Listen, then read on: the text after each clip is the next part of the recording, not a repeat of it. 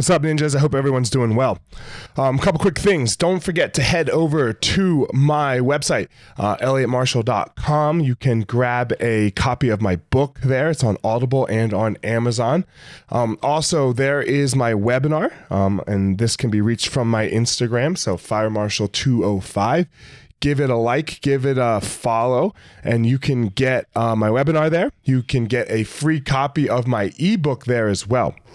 So that's on Fire Marshal 205. Um, you can get to the, the course as well if you are interested in the course. And other than that, head over to my YouTube channel. Uh, again, Fire Marshal. I think it's Fire Marshal 01 for the YouTube. And give it a like, give it a subscribe, enjoy the content.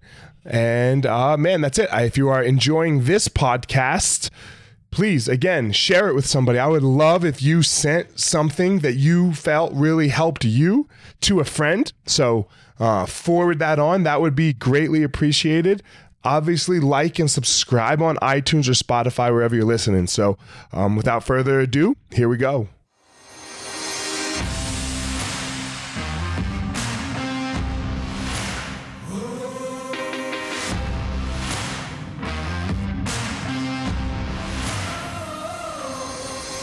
What's up, my ninjas? This is former UFC fighter Elliot Marshall, and this is the Gospel of Fire, where we are going to learn how to go into the fire so that we can find our power and live the best life possible.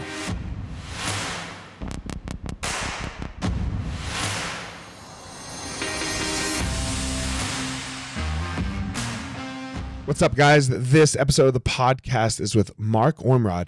Mark is a former Royal Marine in the British Army. And man, his story is so amazing. Like, I can't wait for you to hear the story. He is a triple amputee, both legs and one arm. And how he has developed a mindset and a philosophy of, of positivity, and that he can still an amazing life, live an amazing life it, it's just extraordinary. So uh, I got nothing else to say. Without further ado, here we go. Mark Ormrod. What's up, Mark? How are you? I am good. Thank good. you. Cannot complain. It never has helped, has it? I'm sorry? Has it ever helped? Can you complain? What complaint? Oh no, no one listens yeah. anyway. No one listens anyway. So my grandfather always told me too. Um, man, I, I jump on your website, man, and uh like just earlier today and before when I was checking you out. And just this this this quote made me before I even knew anything, right? This this is what I loved. My situation circumstances don't define my life. What defines my life is the meaning I've chosen to attach to what happened to me and to the positive lessons I've learned along the way. Uh-huh. Absolutely.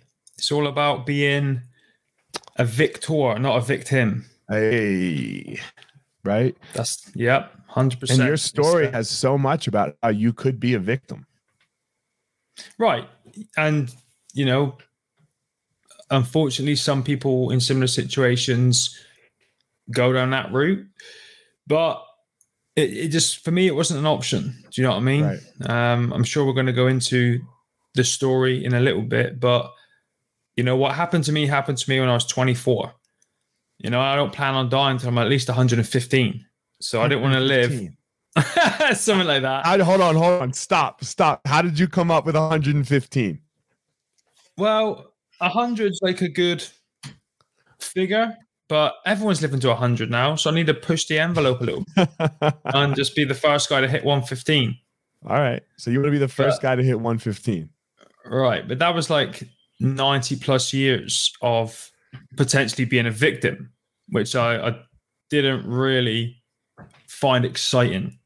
So early on in this journey, I decided that that's not what we're going to do. We're going to be the victor, not the victim. This is opposite of kind of uh, the culture. Uh, where are you right now? What where where are you located? In the UK. In the UK. I don't know what the UK is like, but America is all about the victim. You know? Yeah, we, we got a bit of that too. Okay. You know, America for sure is like this. And I don't care which side of the aisle you fall on, you know, in, in the political landscape, everyone's mm-hmm. playing the victim. It like, right. You know, oh, you're making me yeah. wear a mask. Oh, you're not wearing a mask. Yeah. Right. Like, I mean, on something so silly. right? Like everyone's the victim.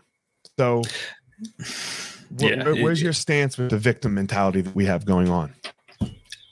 Do you know what? It is something that I really can't stand. And so I, I come from a military background, right? Mm-hmm. And I don't know so much now, but back in the day when, when I was serving, things were were handled a certain way. Right, rightly or wrongly, whatever, that there were ways that things were handled. If you messed up, things got sorted out and then you took responsibility. But you know, you look around nowadays and you know, I don't know if this is going to be a popular or an unpopular opinion, but you see maybe like with these riots that have been going on the last 12 months, someone will get all up in a police officer's face, they will spit, they will try to assault them, and then when they end up on their ass, all of a sudden they become a victim. And I'm like, well, you kind of caused that scenario, but then you didn't like the outcome of it. So now you want to complain about it. Do you know what I mean? It's like poking a lion and expecting not to be bitten. It's a bit crazy to me. You know, because every everyone goes like like with with the riots thing, right? Like Mm-hmm. I'm I don't agree with rioting Mm-hmm. ever. Uh, I'm fine with protesting. Like you can Right. protest all you all you want, you know. But the if if you if you do that, if if you hit a cop, you're Right. gonna get you're gonna get fucked up. Right. You know And what was it? it it- for me the the ones the one that uh and and look i'm, I'm african american so and i and i know exactly what it's like to be in a car and getting pulled over for nothing it happens to my dad still it's it's not cool i don't believe that it's i don't believe that it's being handled skillfully uh for many reasons race included in them you know race race included in that. But when we try to connect all of the instances for example the other day uh, i don't know if you, i don't know if you pay attention to the american news too much but like you know this dude got shot and he was like wielding a knife like he was coming at the cops with a knife. Okay. dude you're, you're gonna get fucking shot. Right. like Mhm. like you're gonna get and and look i feel really bad that he was mentally handicapped you know like he was not in the right state of mind.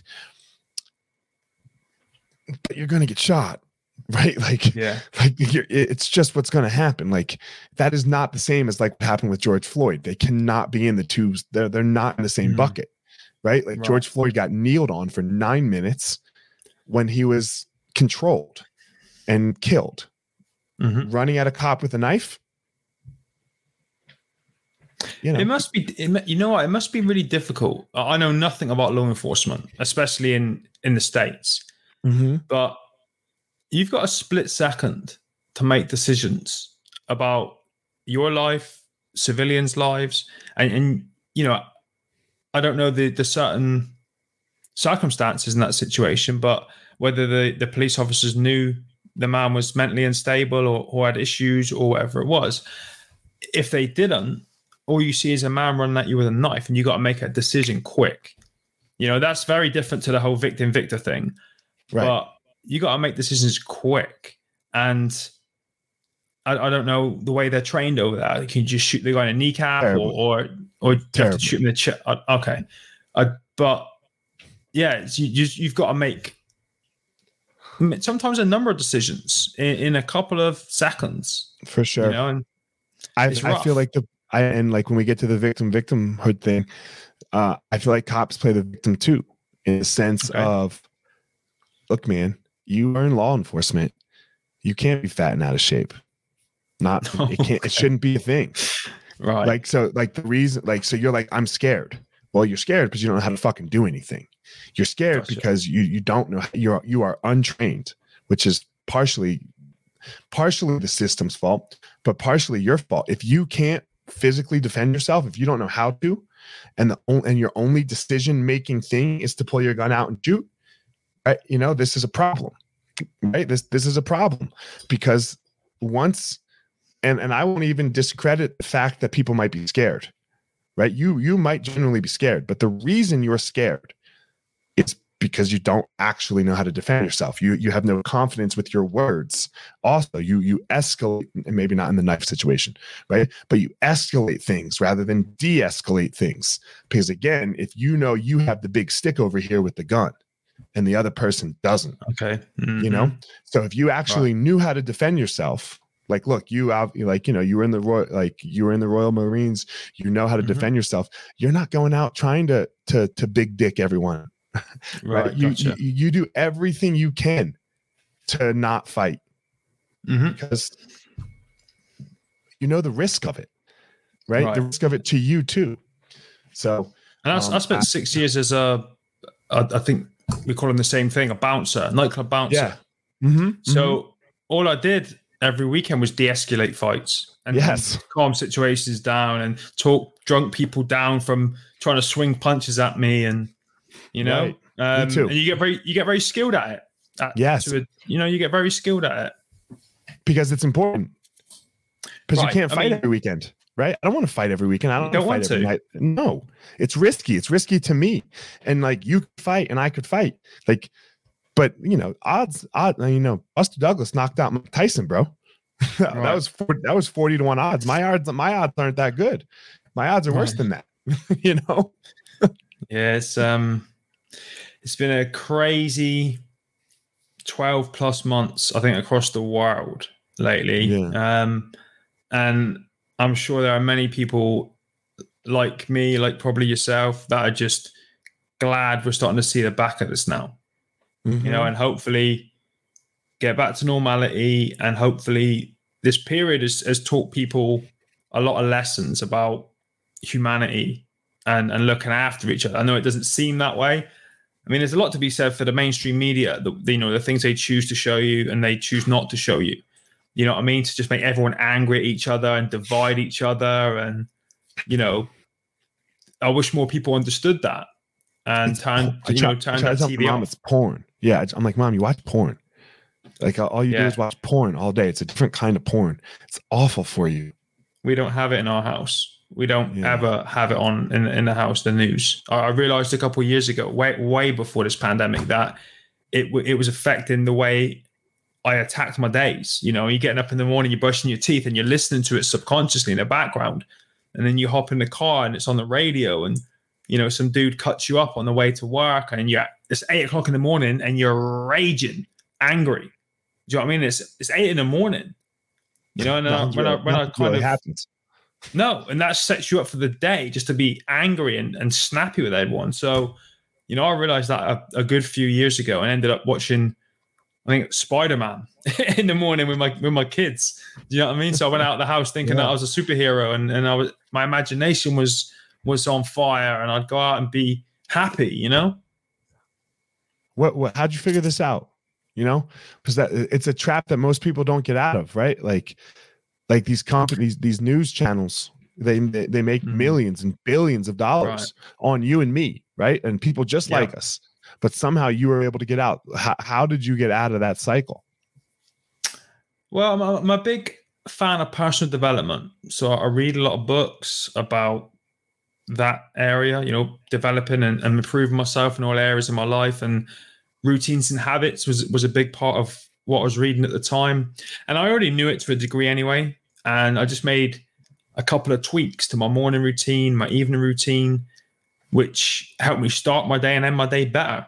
And when you make those tweaks, you you know you take out the negative and you replace it with the positive, you start to realize actually how destructive the negatives were, whether you were conscious of them or not, how bad they were affecting your days, your weeks, your months, and your years. And then when you remove them and replace them with something more empowering and positive, how much of a positive effect that has on your life and, and holistically, you know, your health, your mental health, how you are as a father, as a husband, as a friend, as an employee. You know, it just makes you you better all round. And you know what? It's a thing that I've I've always been passionate about it, but during I think lockdown, I become a little bit more passionate about it, and I just I really wish more people understood that when it comes to your life, you have to take control of it and map it out, right? Like if you want to go from East Coast America. Oh, uh, no, that's, that's easy because you're just driving a straight line effectively. But you want to go from one part of America to another, one part of the UK to another, right? You just jump in your car and drive. You're probably not going to get there. But if you get a map and you map out waypoints and you consciously know where you're going, how long it's going to take you to get there, what you've got to do to get there, then you're in control to to a much greater extent. And it's the same with your life. You know, I think a lot of people just get up and go on autopilot and go to the job that they hate with the boss that they hate to earn some money to you know when you're younger party on the weekends and you get stuck in this trap then you get pissed off because you're in a trap and you know you're in a trap and you want to do something else and you want to experience life and travel and meet people but you can't because now you got a mortgage and and all this stuff comes along. And no one not many people take the time to sit down and go all right this is what i want to do. This is when i want to do it by. And kind of design their lives. They just kind of i guess go with the flow to an extent you know? And i'm, I'm a big fan of designing it. And taking yourself where you want to go. Men lead, men lead lives of quiet desperation. And i think right. it comes down to a lot of what you just said right? You get stuck behind mortgages and bills, you know, when you're younger, mm-hmm. you know, partying. And then, you know, you start trying to keep up with the Joneses, right? Yeah. You right. know, you start you start to keep up with the Joneses. I was actually just talking about this, right? Like it's one and I think sometimes people are like, oh, what? I can't have a nice car or a nice house. Now you can totally have those things, right? Like that's fine, but just be aware of what you're doing.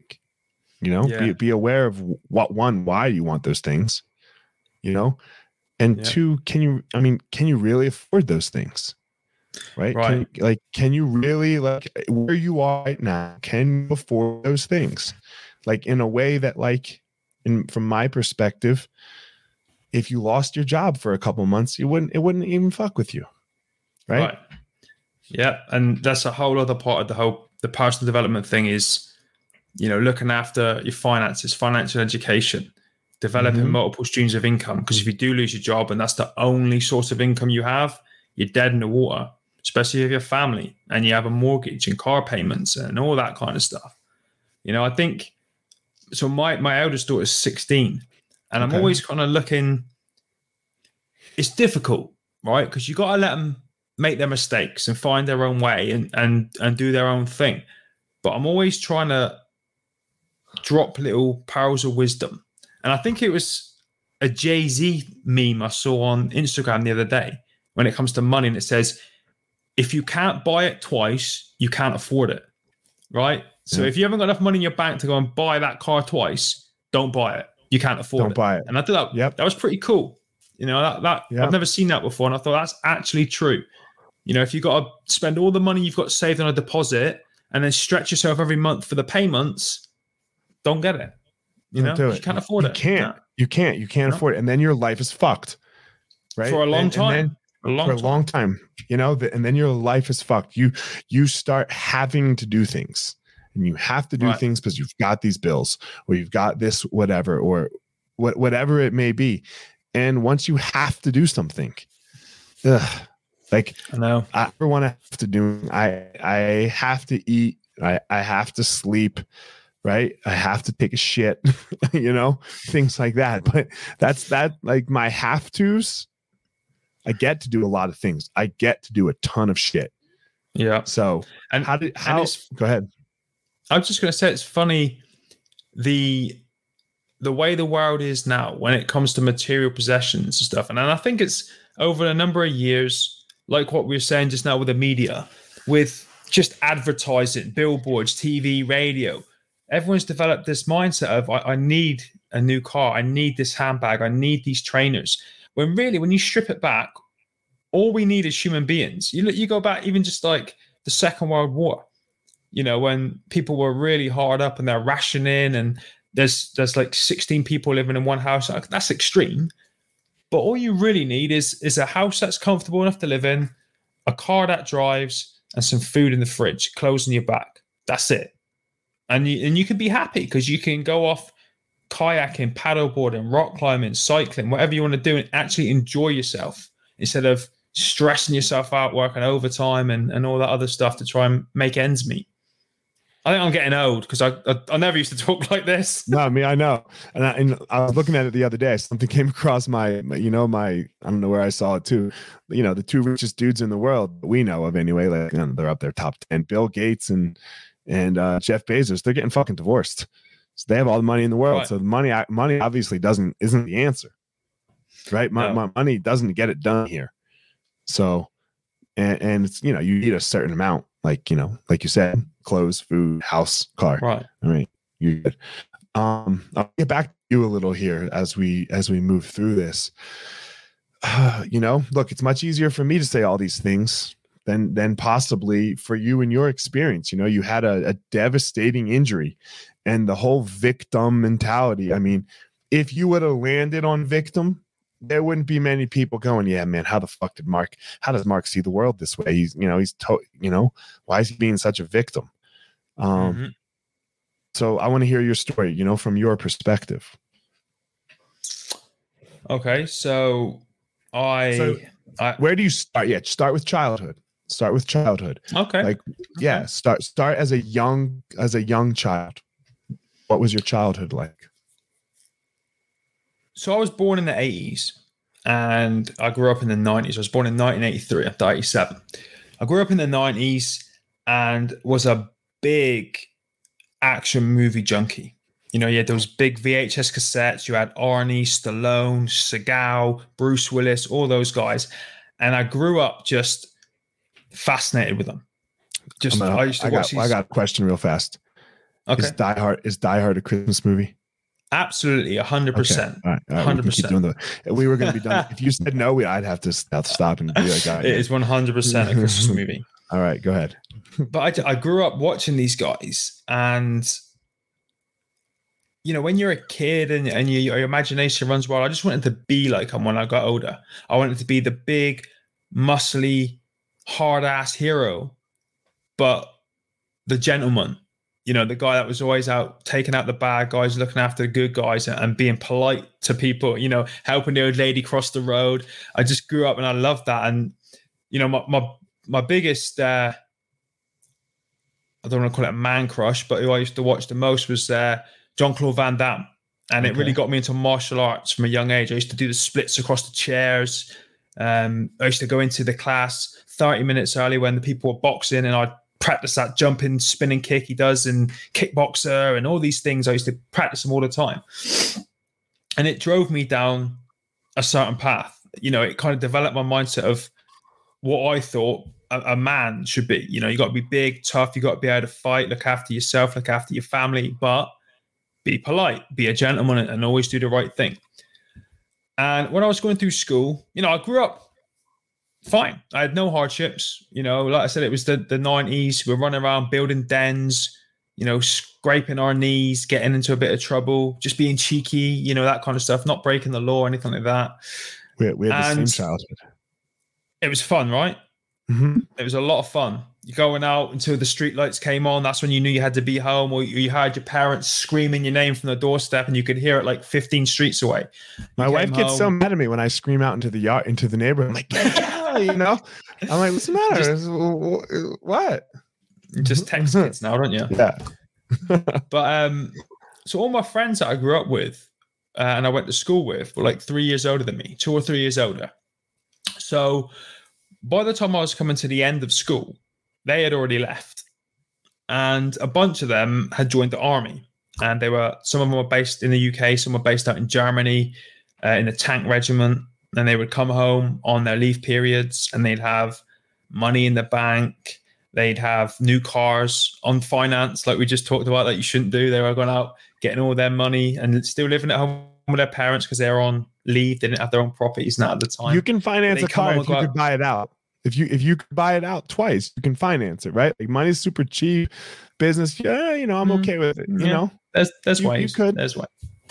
But go ahead. But um, so th- these guys would come home and you know they'd be going out on the weekends having a good time and and they you know throw a couple quid my way so I could go out and have fun with them, and they were always talking about the cool stuff they did. You know, we we'd been out on the ranges shooting and we did these fitness tests and and all this kind of stuff, and it pushed me down that path of what of wanting to join the military. So as I was coming to the end of school. I think you call it high school. We call it primary school. Mm-hmm. Um, that's about 15 and a half. I went down to the career center. I spoke to the recruiting guy in the army and I got the paperwork to join the British Army. Because of my age, I couldn't do that without my parents' permission. So I went home, showed them the paperwork, asked them to sign it. And then they told me that I had an uncle who was in the Royal Marines. Now, I didn't know what the Royal Marines were. I just thought growing up watching all those Army movies that if you want to be a soldier and you want to do that cool stuff, you just join the army, don't you? That's just what you do. I thought people in the Navy go on boats, in the Air Force, they fly planes, in the Army, you put a knife in your teeth, a gun on your back, and you know, you go out and take out bad guys. So they told me about my uncle in the Royal Marines, and he only lives 20 miles away from me. So on a Saturday, we jumped in the car, went up to see him, and he had joined the Marines as a Marine, which is private. Well, it's our equivalent of a, a private, so bottom of the ladder. And he'd left 22 years later as a captain. So he worked his way up through the ranks and commissioned as an officer. And he told me all about these group of men called the Royal Marines. And he told me why it was different to the army, what you could expect to do in there, what a a career was like, the kind of experiences that you could have over Is the Royal Marine is the Royal Marines like our Navy SEALs? Yes.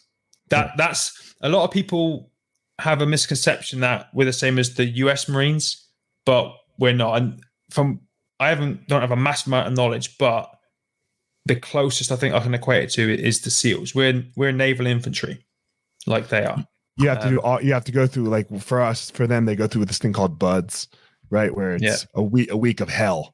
You know, a week Okay. of hell, and yeah, you know, everyone quits. It's got like a ninety percent dropout rate, ten percent, ten percent make it. I'm assuming that's what the Royal Marines is.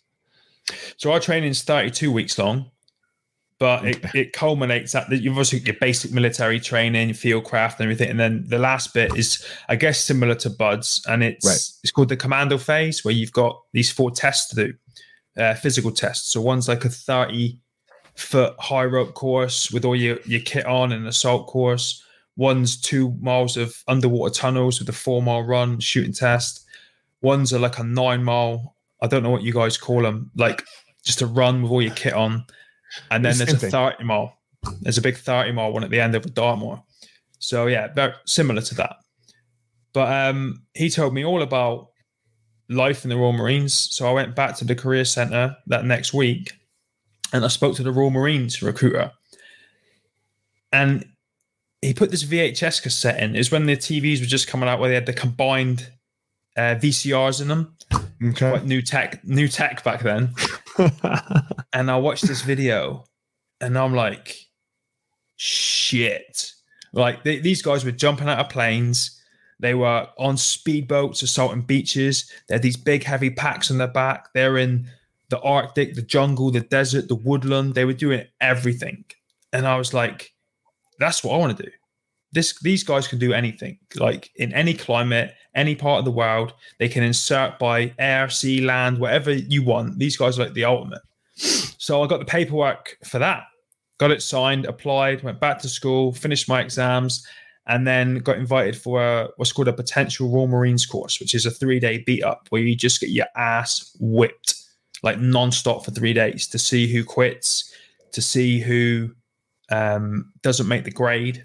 It's like an opportunity for you to see if you've made the right decision and the trained Royal Marines to see if you're ready to take on that 32 weeks of training. okay, so that's what that's the Navy SEAL. That's BUD/S, right? You go through BUD/S, Well- and then you get to get yeah, same. Oh, okay, okay. Um, so yeah, I, I passed that first time. Went back home. Uh, was given a training program, like a progressive, Mhm. progressively intense program, and then February two thousand one started my Royal Marines training. I was seventeen years old uh, when I started. There was sixty four of us on day one and out of those 64 men, when we had finished and out our Green Berets, there were 16 of us uh, that had started on day one and got through in one hit to the end without any 25%. injuries. All right, just it, the drop off rate's horrendous. Uh, people quit, people get injured, people don't make the grade and they get kicked out. Same as any branch of the military, I guess. And yeah, um, 16 out of 64 by the end of it. Yeah, 25%. Yeah. Now, I joined February 2001 and I was given my Green Beret in October 2001. So, like four weeks before was 9 11. So mm. I remember we, we had done all the, the hard part of training. We had passed all the tests we needed to, and we were just doing the bit where you do the marching, right? Where the families come and you do the ceremonial side of things. And we were in the cafe, uh, just eating. I think we just throwing some burgers down our face, whatever, before we went back and started marching again. And then we all saw it on the news. Because so, it wasn't morning for you. Yeah, it was morning for us. It's afternoon for you. Right. So I'm 18 years old at this point, right? And that, I'm in the mindset of growing up watching all these movies, the, the Rambos. I'm in the mindset of this is what I am now. I've just done all this training, longest, hardest regular force training in the world. Did it in one hit. Got my green beret at 18 years old. I am the dog's bollocks. And then I see this, and a bit of reality kicks in. And I'm like, okay, you've just done all this training now you've got to go and do the job. And, uh, you know, like any branch of the military, I guess across the world, some some people can go 20 years in their career and never deploy anywhere just because the timing's wrong and there's nothing mm-hmm. happening or or whatever circumstances are. And then here we were, still a couple weeks away from actually finishing, knowing that as soon as we do, we're going and we got to do this job. But when you when you're young, you know, you're 18 years old, you're surrounded by blokes and testosterone and adrenaline, and you're arrogant and you're cocky. You're like, yeah, let's go, let's do this, you know, and you're excited for it genuinely because you don't know what the reality of it is. And your whole life has been about this. Like everything, every everything leading up to it has been has been trying to get to this point, to be right. fucking Rambo and and, right. and whoever else on, you know, as a kid, and then you set your life goal on that or your life path on that, now it's like laid in front of you like oh man it's fucking worked out. This is what i want. Right. Yeah and then you have that little moment of be careful what you wish for. Do you know what i mean? You wanted this and you talked about this and now you got it so now you got to see if you can actually do it because like anything any training you go through you know you can squeak through one test you can maybe slip through the net here and there you know and, and there's a little bit of luck involved. There's no luck. Well, there is, but when you go to combat, you got to be able to actually do the job. So, you know, a couple of weeks later, we what we call passed out of training. We went to our commando units, and then we were trained instantly to go to Afghanistan in 2002 on something called Operation Jacana. For some reason, I, I don't know what it was. I think it, it became more of a like a reconnaissance special forces thing from our end, but a lot of us it was scaled back, so a lot of us didn't go. So we were all a little bit annoyed because we're like, well, we've trained for this, we've done the pre-deployment training for this, we're ready to go, and now we're not going. So everyone just sat around in the UK, you know, a bit steaming. And then 2003 came, and Iraq came on our radar. So when I was 19, I deployed to Kuwait, spent like a month, maybe month and a half in Kuwait, and then was involved in that initial push over the the Kuwait Iraqi border in 2003 to go and uh, to do that. Which you know, at 19 years old, again, you, you kind of it's it's a different world. You know, you grow up very fast. You know, you see things that you don't. I mean, I I, I really try hard not to do this but I look around at 19 year old kids now, and you, you know, like that old man that goes, When I was 19, I, I try not to be that guy, but I just look and I'm like, What are 19 year olds doing now? You know, me and my friends were running around a war zone, dodging bullets when we're 19. But the whole thing was a little bit slow for me. You know, I, I had this preconceived notion of what going to war was going to be like and it was nothing like that for me. I didn't fire a single round from my weapon. I rarely came into contact with the enemy. And when I did, it was from a, a distance. So there was no need to panic or worry or or get ready or anything. And I came back a little bit flat, you know, thinking, is that it? I did all this training. I've been told for months and months and months that I'm going to be this badass when I pass out and, you know, be able to do this, that, and the other. And I've been to war and I didn't do any of it. I got a really good suntan, saved up a bunch of money, and that was kind of it. So I came back and I was like, okay. It, it was, for me, it was quite good in the fact that in the first three or four years of my career, I, I, had done a fair bit already. You know, I'd already earned my beret, did it first time, gone to war. And like I said, that sometimes you can go 20 years and not deploy at all. And I'd done it in the f- less than five. So I felt good about that. But then I came back and I'm like, what, what do I do now? Do we just wait for the next operation? What do I do in between? You know, so we did a bit. We went to like I said earlier, you know, you got to learn to train and fight in the Arctic, the jungle, and, and all this stuff. So we went out to Norway a couple times, and we got trained how to survive and fight in the Arctic. I never made it out to the jungle. Um, obviously, UK, we did it in the woodland a lot. Um, and then I left in 2006. My daughter was born. Uh, Kezia was born in 2005. So I decided to leave. And I thought, you know, I've done a fair bit in these first five years. Five years is the minimum you have to serve. I can leave at, I think I was 22 years old. I can leave at a young age with my head held high and still be very young and, and ready to start a new career. So that's what I did.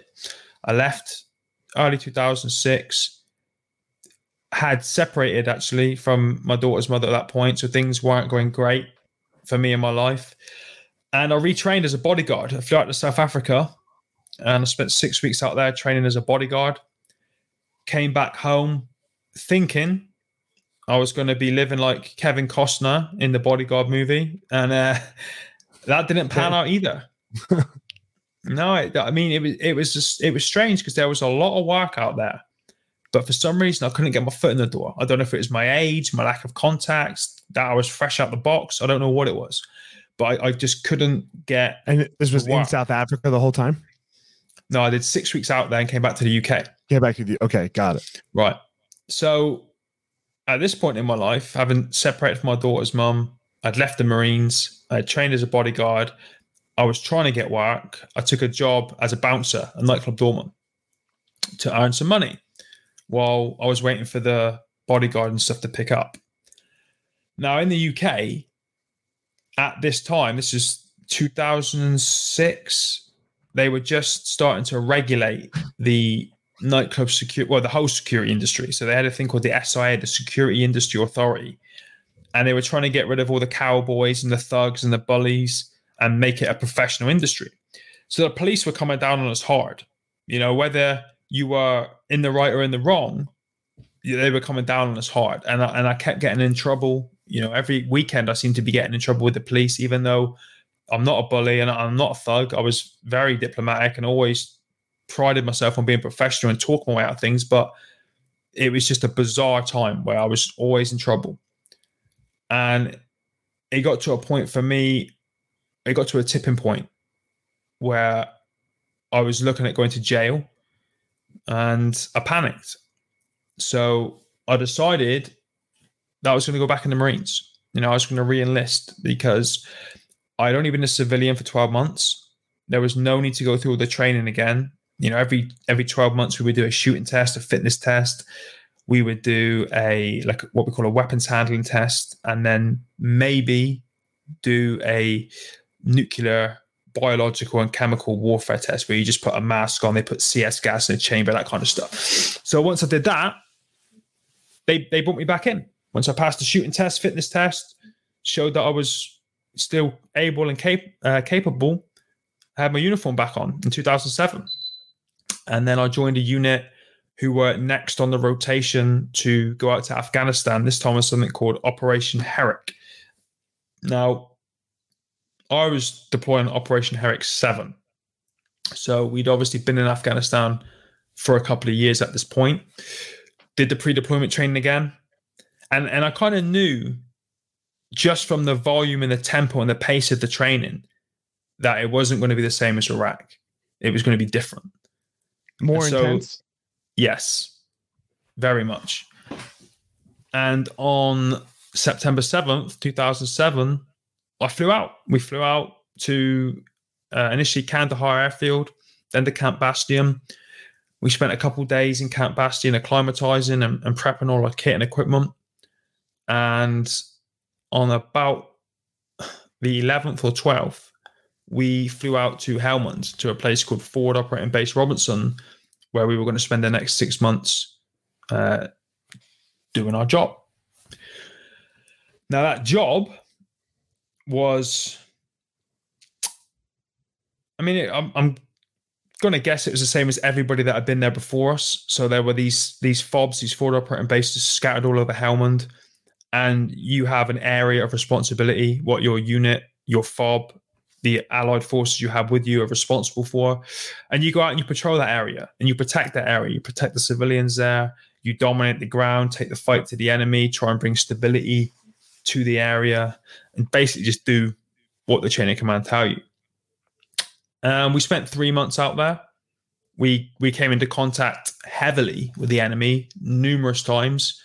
Um, lots of firefights, all hours of the day, whether you're on patrol or you're just in your fob doing whatever you're doing. Sometimes three o'clock in the morning, you're just jumping out of your bed, running down and getting in a firefight. But it was very, very different to Iraq. Your first time. Right. Now on Christmas Eve, we were given another patrol to go on. We we've been locked up in the camp for about 10 days because we had a lack of manpower, which meant we couldn't defend our position and proactively mount foot patrols. So the lads were going a bit stir crazy, and the hierarchy knew that. So as soon as we got some more bodies in to booster our manpower, they sent us out on a foot patrol to stretch our legs and show the enemy, you know, that we're still out there taking the fight to them and dominating the ground. Now, the idea of this patrol was very, very simple. You know, up to this point, you would get told, right, there's an enemy location here. Go and disrupt it. You know, you're out for six hours, you go three, four miles. There's a weapons cache there. Go destroy it. Again, out for a couple of hours, you go for a couple of miles. All we had to do on this patrol was leave the rear entrance of our camp in two sections with eight men in each section. One was going to go north, one was going to go south we got told to patrol the immediate perimeter of the camp and not push any more than 300 meters. And then meet this time at the front entrance of the camp, so the opposite side, and then secure a location, close things down, and finish up for the day. And now, with it being Christmas Day, the next day, um, we were going to get given two or three days R and R. We could open our mail and have a bit of a Christmas dinner and all that kind of stuff. So compared to what we've been doing, this was very basic, very low level stuff. So, no cause for concern. The intelligence that we had gave us no cause for concern, and everyone was, you know, geared up and ready to get out there. So the time came, and we left. I was second in command of the section that went north. The other guys went south, and we went out and we patrolled, and we did all the things that we'd done in the other patrols to that point. We met with the villagers we provided them with some food and some water, you know, some security. Went out and gathered intelligence, passed back any suspicious signs of enemy activity to the hierarchy, that kind of stuff. And about five hours into it, both sections now found themselves at the front entrance of camp, ready to finish up the patrol for the day and go back in. Now, the section that I was in were on a high piece of ground called the North Fort. Slightly beneath that was the fob that we were working out of. And then down beneath that was the other section of eight men that we left with earlier in the day.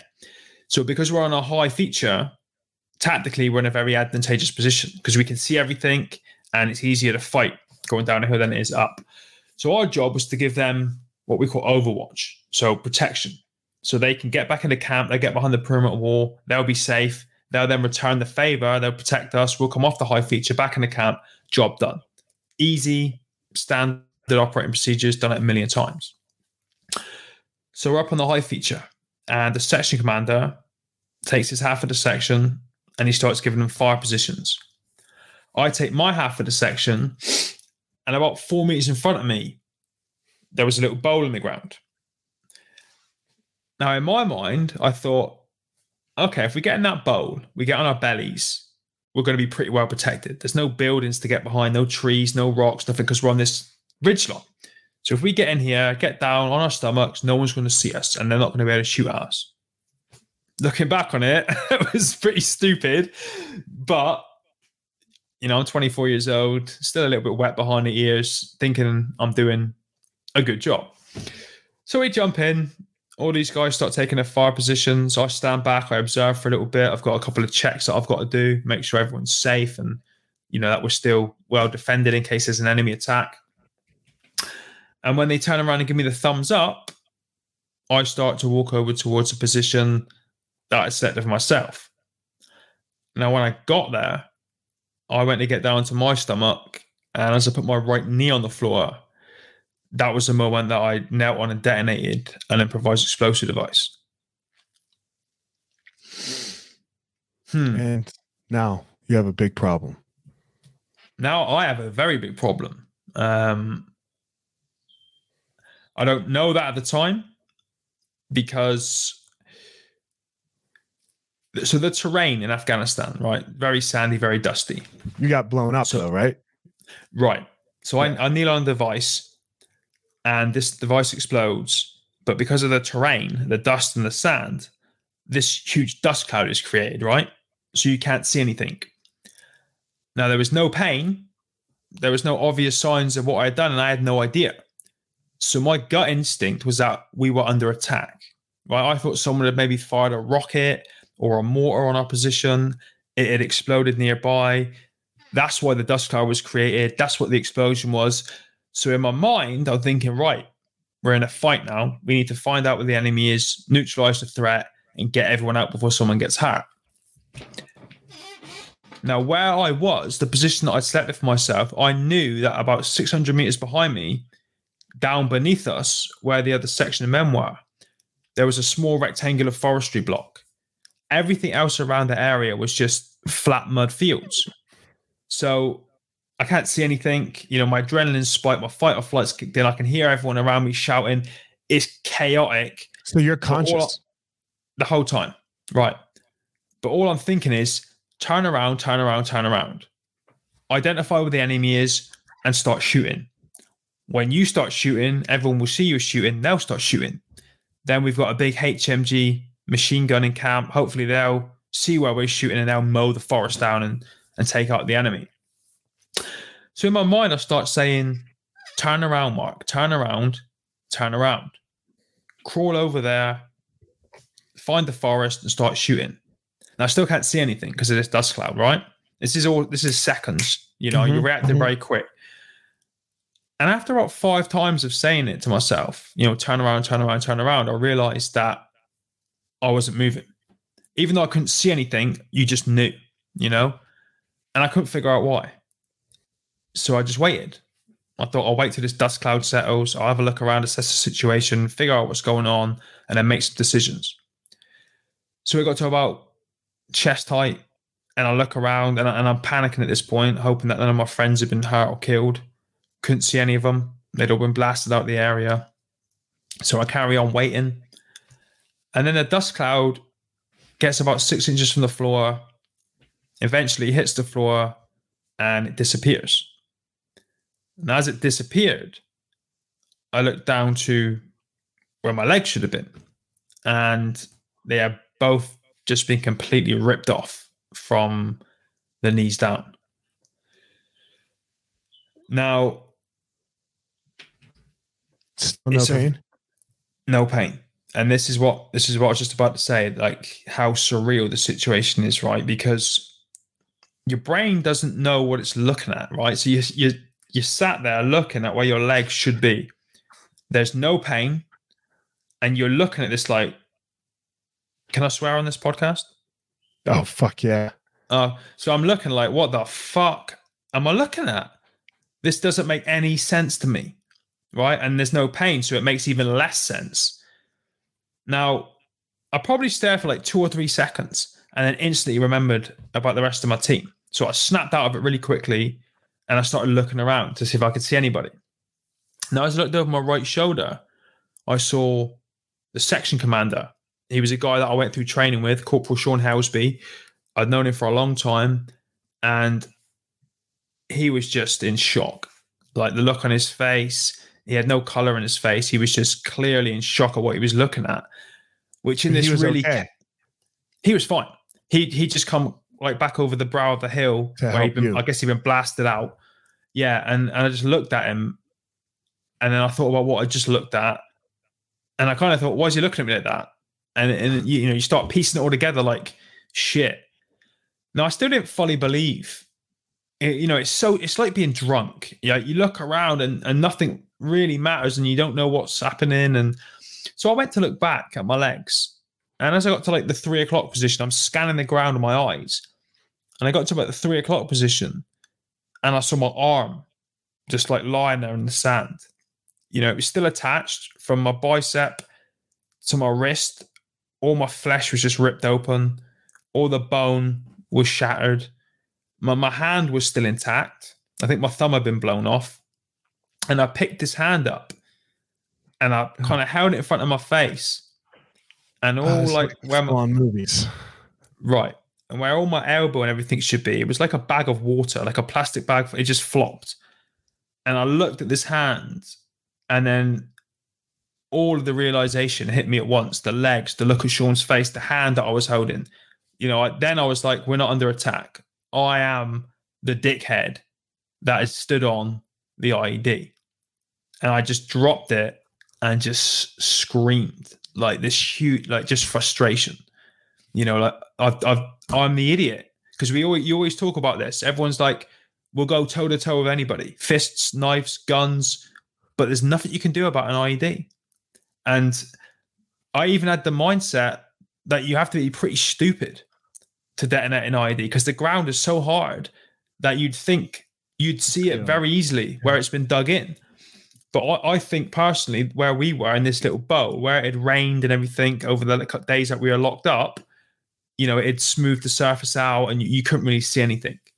But it very quickly became apparent that I had stood on this IED.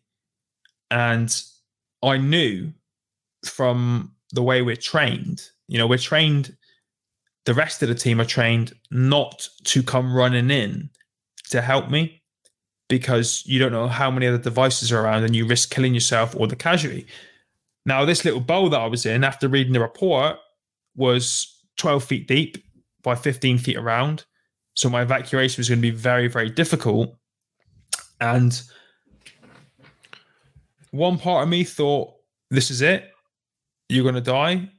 But the other part of me thought, nope, you're going to be fine because these men that you're with are so professional and good at their job that they won't let that happen.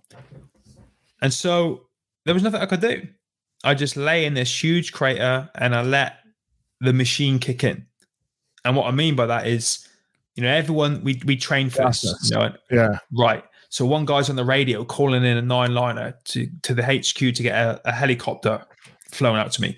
There's another guy in his belly with a bayonet poking the floor looking for other devices, marking a safe route for when the medic gets to me. There's another guy coordinating the rest of the guys to get into an all round defense in case there's a small arms follow up attack.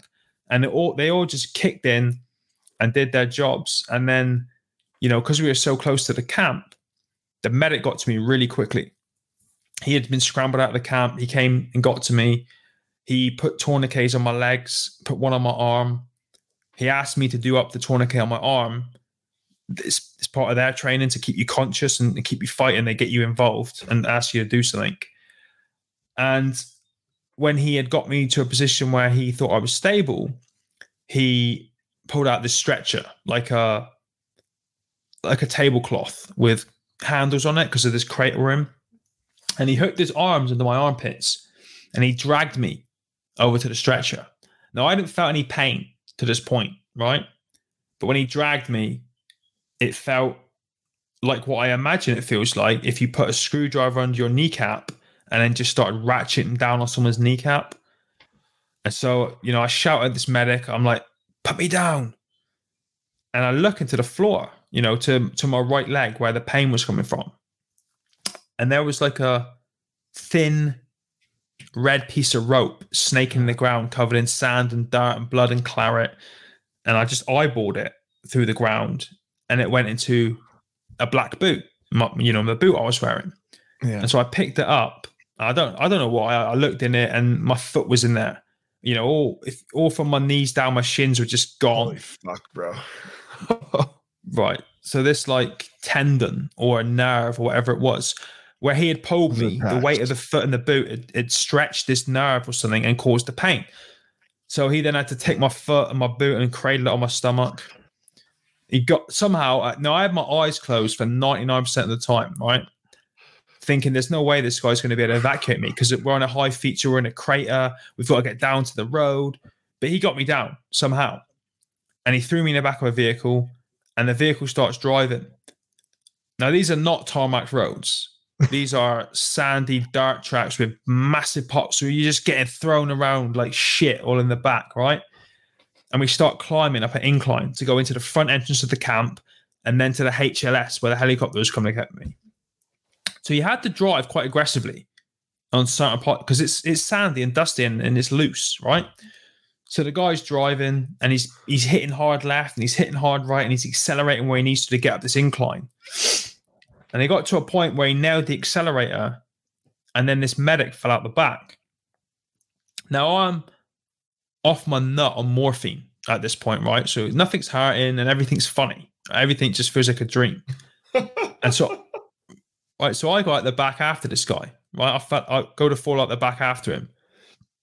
Now, as the bottom of my back, so like my tailbone. So, what are you trying to do? Save him in your mind? No, it's just because I've got I can't anchor myself down. I've got no legs. So I, you can't fall. grab okay, anything. Got it. Got it. So I'm just I'm just tumbling out. We're going up this hill. He falls out because it's so got rough. It. I fall out. But as I'm falling out, the driver swings round and he reaches out and he grabs whatever he can grab to hold me in. He grabbed my femur bone oh that was poking out of my right leg. And he kind of held me half in, half out this vehicle. And oh, fuck me. Right. Now he left the medic because that other section, there were eight heavily armed men at the bottom of this hill that we'd left with earlier, the ones that we were providing protection for. So he knew he was okay. He, he made the right choice. He left him drove me to the helicopter landing site. And the last thing I can remember is this helicopter landing, the sandstorm that gets created from the propeller blades, the heat of the exhaust, and then the mechanical sound of the tailgate dropping. And then I, I blacked out, which is when I later found out they told me I died. There you go. that was my Christmas Eve in 2007. So, how do you come back from all of this? So, I don't remember what happened on the helicopter, but I do know because I've met the team over the years. So not, the medical side, not the medical side. I'm asking the okay. mental, personal development side, right? The medical side is in... is what it is, right? Like, how do you, right. how do you as a human being not just fucking sit at home on your couch, watch TV all day and sulk. It's a process. Right. So here, here's how I see it, right? And I know I was the UK's first triple amputee from Afghanistan. But I think from the from the First World War, combat related. So there were there was nobody. When I went to rehab, it was very, very lonely in the beginning. Right. There was nobody with my level of injury. There was no one to mentor me or anything like that. But I knew from the few people that I had met that there's only two ways that you go when you wake up in a hospital after something like this. You go down and you're angry and you hate everybody. And I don't mean this disrespectfully, but you adopt the victim mentality. Why why did this happen to me? I hate the world. You start drinking, maybe harder thing, whatever it is. Or you go the other way and you're pretty matter of fact about it and go, okay, this is shit, but these are the facts. Both legs above the knee, right arm above the elbow. No internal injuries, no facial injuries, no traumatic brain injuries. You know, my junk's all in order and it still works because I've had two other kids ever since.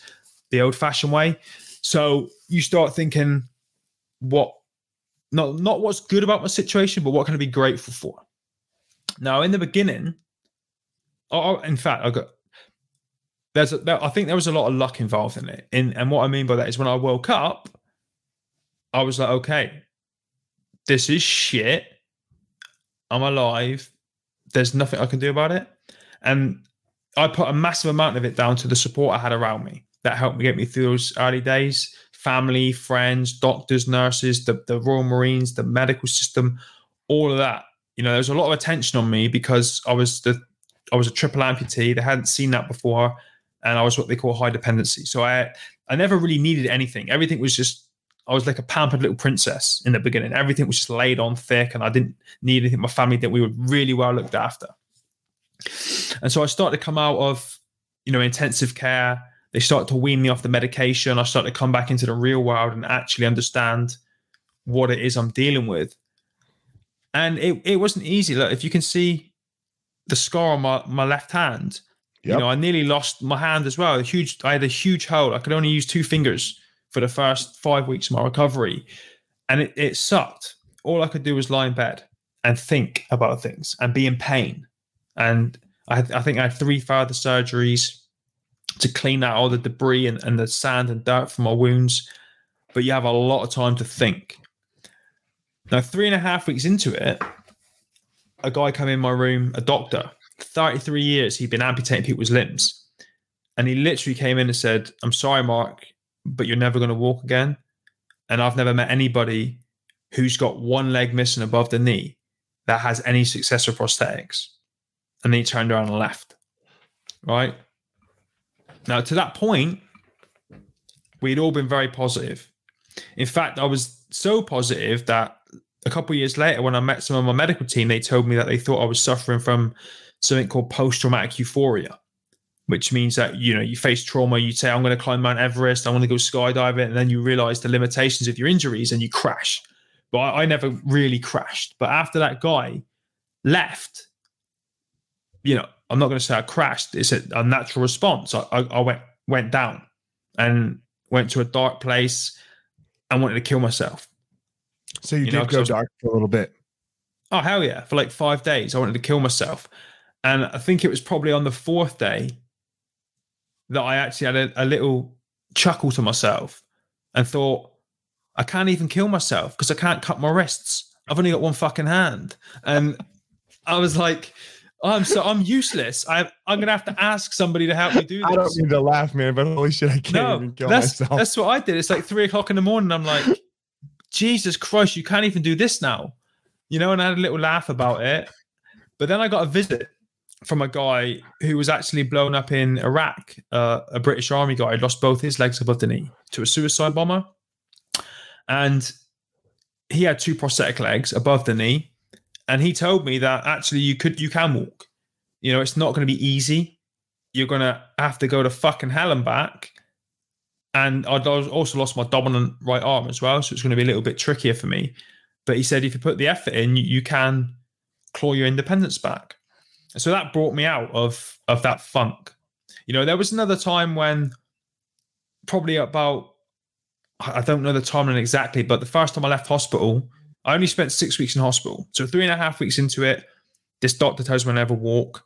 I see Mick, the guy with the prosthetics, he tells me I can. And there was another point when I left the hospital for the first time to stay outside of a clinical environment. And it was the first time I saw myself in a full length mirror. And I, I cried all night. You know, I used to be six foot two.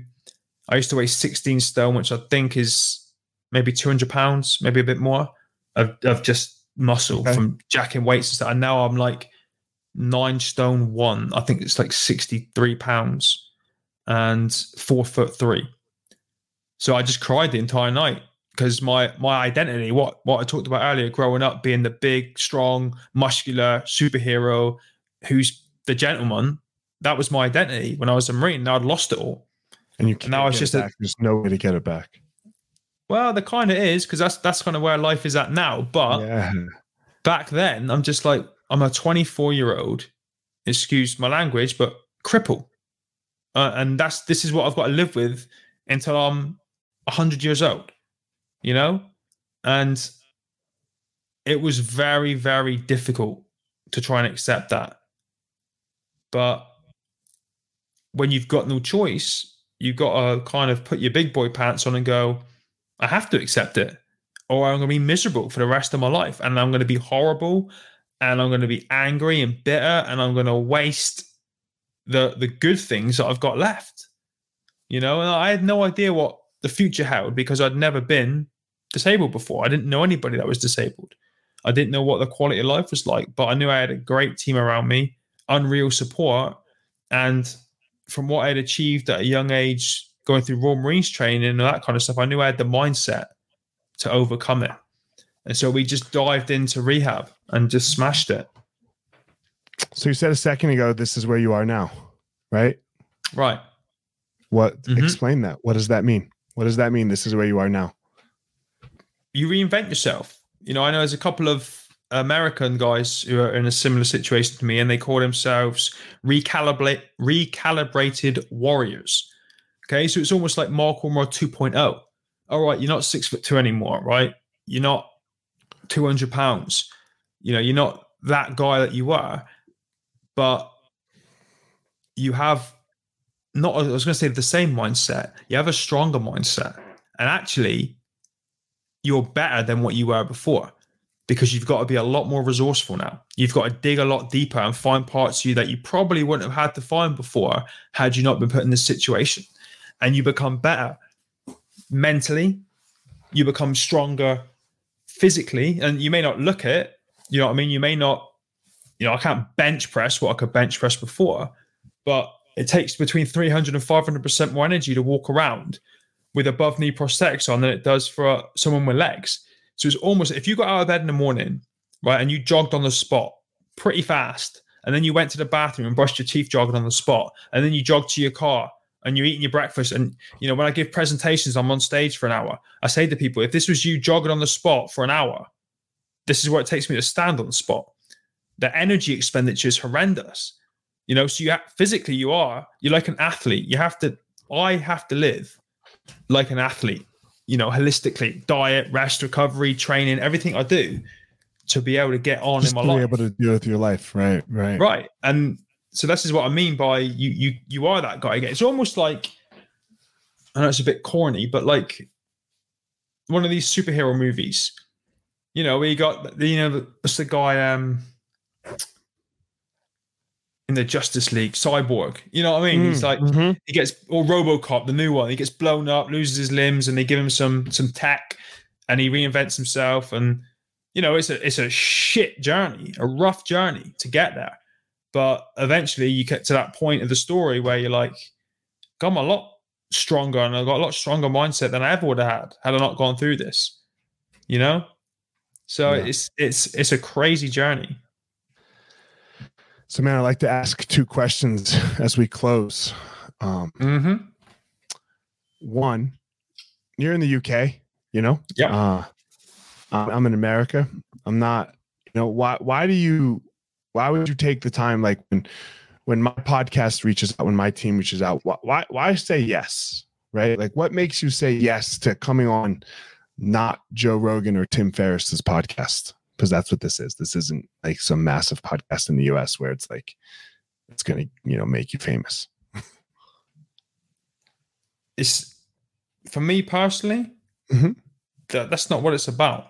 So over the years, through through social media and email and stuff like that, because I openly share my story, you know, I, I, videos, social media, and all that kind of stuff, I've had hundreds of messages that of, and it's from the strangest thing. Like, you know, I, I've had a leg removed as well. To I lost a child from one end of the spectrum to the other, and they say things like, oh, "I watch what you do," and it and it gives me hope and it, it motivates me. And you know, I realize that some people have it a lot worse than I do, and I've seen your story, and it's reinvigorated me. You know, and when people do that, strangers, you know, you say, "Why did I come on here?" Because now there's going to be a whole new bunch of strangers that I'll probably never meet, but your audience that maybe and, and hopefully have that same kind of reaction. And maybe someone's feeling shit right now and it puts it in perspective for them. And they think, well, shit, I've got both my legs, I've got my arm, I can walk, run, jump, pull up, swim, whatever it is, and it's easy for me, you know, compared to this guy who's got to put prosthetics on every day and figure stuff like still now figure stuff out every day. So that's why it's it's not about going on Joe Rogan and getting loads and loads of hits. It's about reaching people, you know, and and taking the the gratitude that I have for the journey that I've been on and spreading that and paying that forward. Hell yeah. Lastly, I believe everyone has a unique power in the world, um, something that makes them amazing. You know, um, again, doesn't make them money or famous or anything like that, but you know, something that makes them like that gift that you give to the world. What's mm-hmm. your power? Mindset. It's mindset. You know, I think we we touched on it briefly at the beginning when we were talking about the, the news and the media, but mm-hmm. I think for some reason most people their default mindset is negativity. When anything bad happens in their life, we just go instantly to the negative. Whereas I've learned over the years to to stop and take a breath, look at the situation and go, okay, it sucks, but what's good about it? What can I take? You know, I got I got fired from my job. All right, that sucks. What's good about it? I hated that job anyway. Now I can go do what I really want to do. You know, my wife left me. All right, that sucks. What's good about it? Well, she treated me like shit, and now I've got Tinder, so I'll go swiping left and right for hours. I don't know, whatever it is. You know, it's it's a mindset thing, man, and you just got to yeah. be like, you just got to change your mindset, you know, and and develop your own unique way of doing things. I have a coach that I work with, you know, and he, uh whenever something good or skillful happens, he makes me find drawbacks to it and whenever mm-hmm. anything bad happens, he makes me find the benefits. Right. There He's like, go. so, you know, we find the, the drawbacks of the good because there has to be, right? Yep. Everything's got a cost. And then we we find the benefits of the the shit that you just don't want to happen in your life. So what's the fucking benefit of this? So right. and that's that helps me with my mindset. Um, all right, man. I'll tell everyone where they can reach you if they want to reach out, where where's the best way to do it and, and where like all your social media and all of that. Yeah, I'm on all the the regular channels. Uh, my handle across the board on all of them is at Mark Ormrod. I'm on there daily, um, on on every platform pretty much. And then there's the website markormrod.com. All right. Um, I'm pretty easy to find. Simple, simple, guys. Yeah. As always, Mark has his unique power, and I have my own unique power. Don't go out in the world and try to be Mark, and don't go out in the world and try to be me. You all go out there and you find your power. All right, everyone, thanks for listening to this episode of The Gospel of Fire. If you enjoyed the episode, I'd love a review on iTunes or wherever you are listening to this podcast. Don't forget to follow me on social media at Fire Marshal 205. If you are a BJJ enthusiast, check out my YouTube channel. I put all kinds of instructional DVD uh, videos out on there, so go check it out. My book is still out on Amazon by the same name as the podcast, The Gospel of Fire. So if you are interested, go check out that. And most importantly, guys, go out there every day, find your power. Thanks a lot.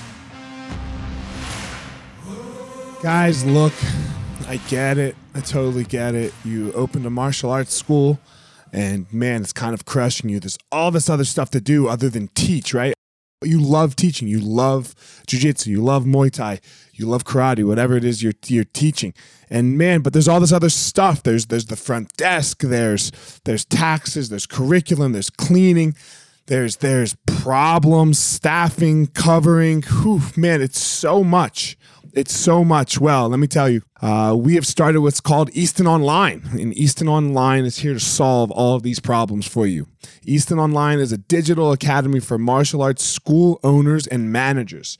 Will help you establish or enhance your business with best practices. Most importantly, we're going to help you get back to what it is that you love most teaching and doing martial arts. Okay, so for more information, guys, go to easton.online. Again, that's easton.online. Add your email. You're going to get notified about the course launches. Our first course is going to be all about the first impression specialists, your front desk, and all kinds of stuff, special offers, promotions, as well as we started a podcast by the same name, Easton Online, that's gonna talk about our process of how how we went from a tiny little martial arts school to what is now seven martial arts schools, seven Brazilian Jiu Jitsu Muay Thai schools, um, in a very holistic way that we believe um, kept the integrity of the art and also deals with its people very well. So again, Easton.online, enter your email, and you're gonna get all you're gonna get everything you need right there. So thanks, guys.